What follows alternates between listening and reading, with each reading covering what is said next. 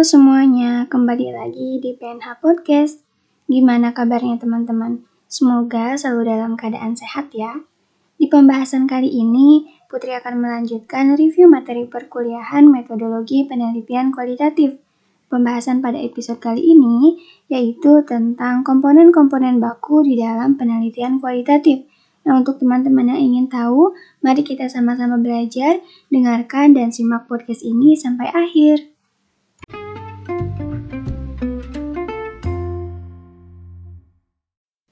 Oke, langsung saja kita masuk ke pembahasan. Komponen-komponen baku di dalam penelitian kualitatif, yang pertama adalah perumusan masalah.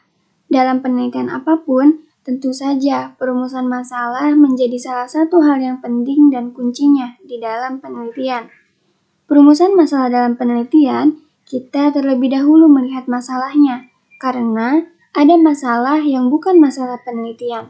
Jadi, kita harus mengetahui Apakah masalah yang kita angkat dalam penelitian itu termasuk ke masalah penelitian atau bukan? Nah, masalah penelitian dapat dilihat dari dua. Yang pertama itu masalah yang timbul dari ketidaksesuaian antara apa yang diinginkan dengan apa yang tercapai. Jadi, jika kita angkat masalah yang timbul dari ketidaksesuaian antara apa yang diinginkan dengan apa yang tercapai, itu bisa kita teliti. Kemudian, Masalah juga bisa dilihat dari sumbernya. Yang pertama itu berdasarkan pengalaman pribadi, orang lain, dan lingkungan. Sumber masalah yang kedua bisa dilihat dari informasi, data, dan bahan bacaan. Dan sumber masalah penelitian yang ketiga bisa dilihat dari sensitivitas peneliti merespon fenomena yang terjadi. Fungsi dari perumusan masalah penelitian itu sebagai alasan dari diadakannya penelitian tersebut dan menjadikan landasan dalam menentukan ke mana arah penelitian tersebut akan dilaksanakan. Selanjutnya ada teori dalam penelitian kualitatif.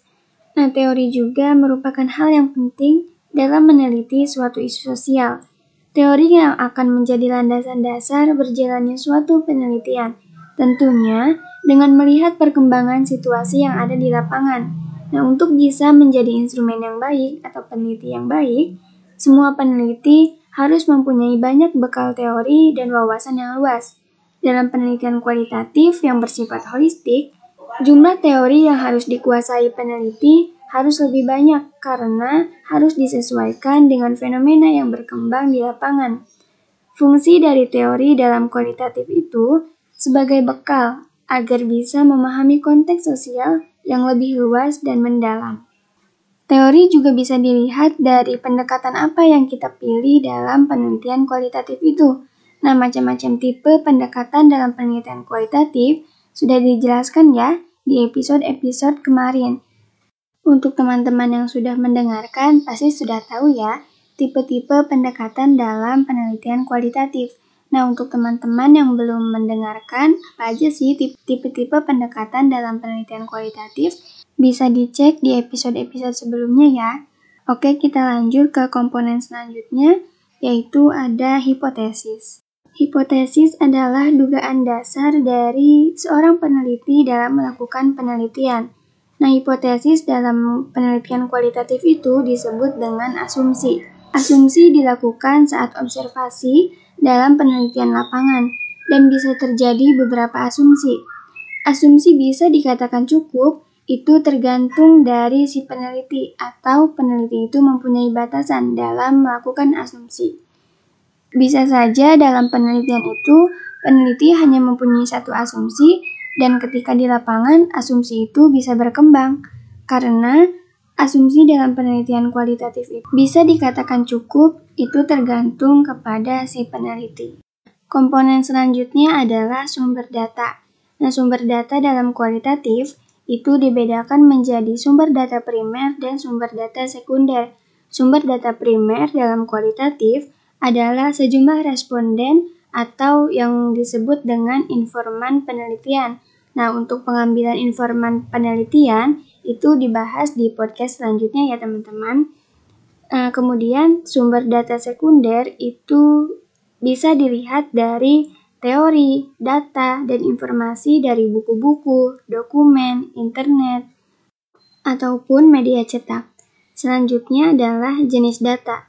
Jenis data primer bisa didapat dari sumbernya langsung atau dari informan penelitian. Sedangkan data, data sekunder, jenis datanya tidak langsung didapat dari sumbernya, ataupun e, bisa juga dilihat dari berbagai buku, dokumen, dan media cetak. Selanjutnya adalah teknik pengumpulan data. Teknik pengumpulan data dari data primer bisa dilakukan dengan wawancara kepada informan atau observasi. Dan sedangkan pengumpulan data dari data sekunder bisa dilihat dari buku, dokumen, dan media yang dapat ditarik dari studi kepustakaan dan studi dokumen. Selanjutnya adalah analisis data.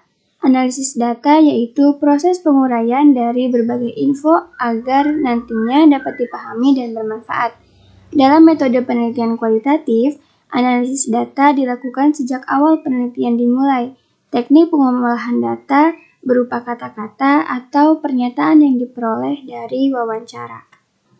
Mungkin itu saja yang dapat Putri jelaskan dalam pembahasan dari komponen-komponen baku yang ada di dalam penelitian kualitatif. Semoga teman-teman dapat memahami dan semoga pembahasannya dapat bermanfaat.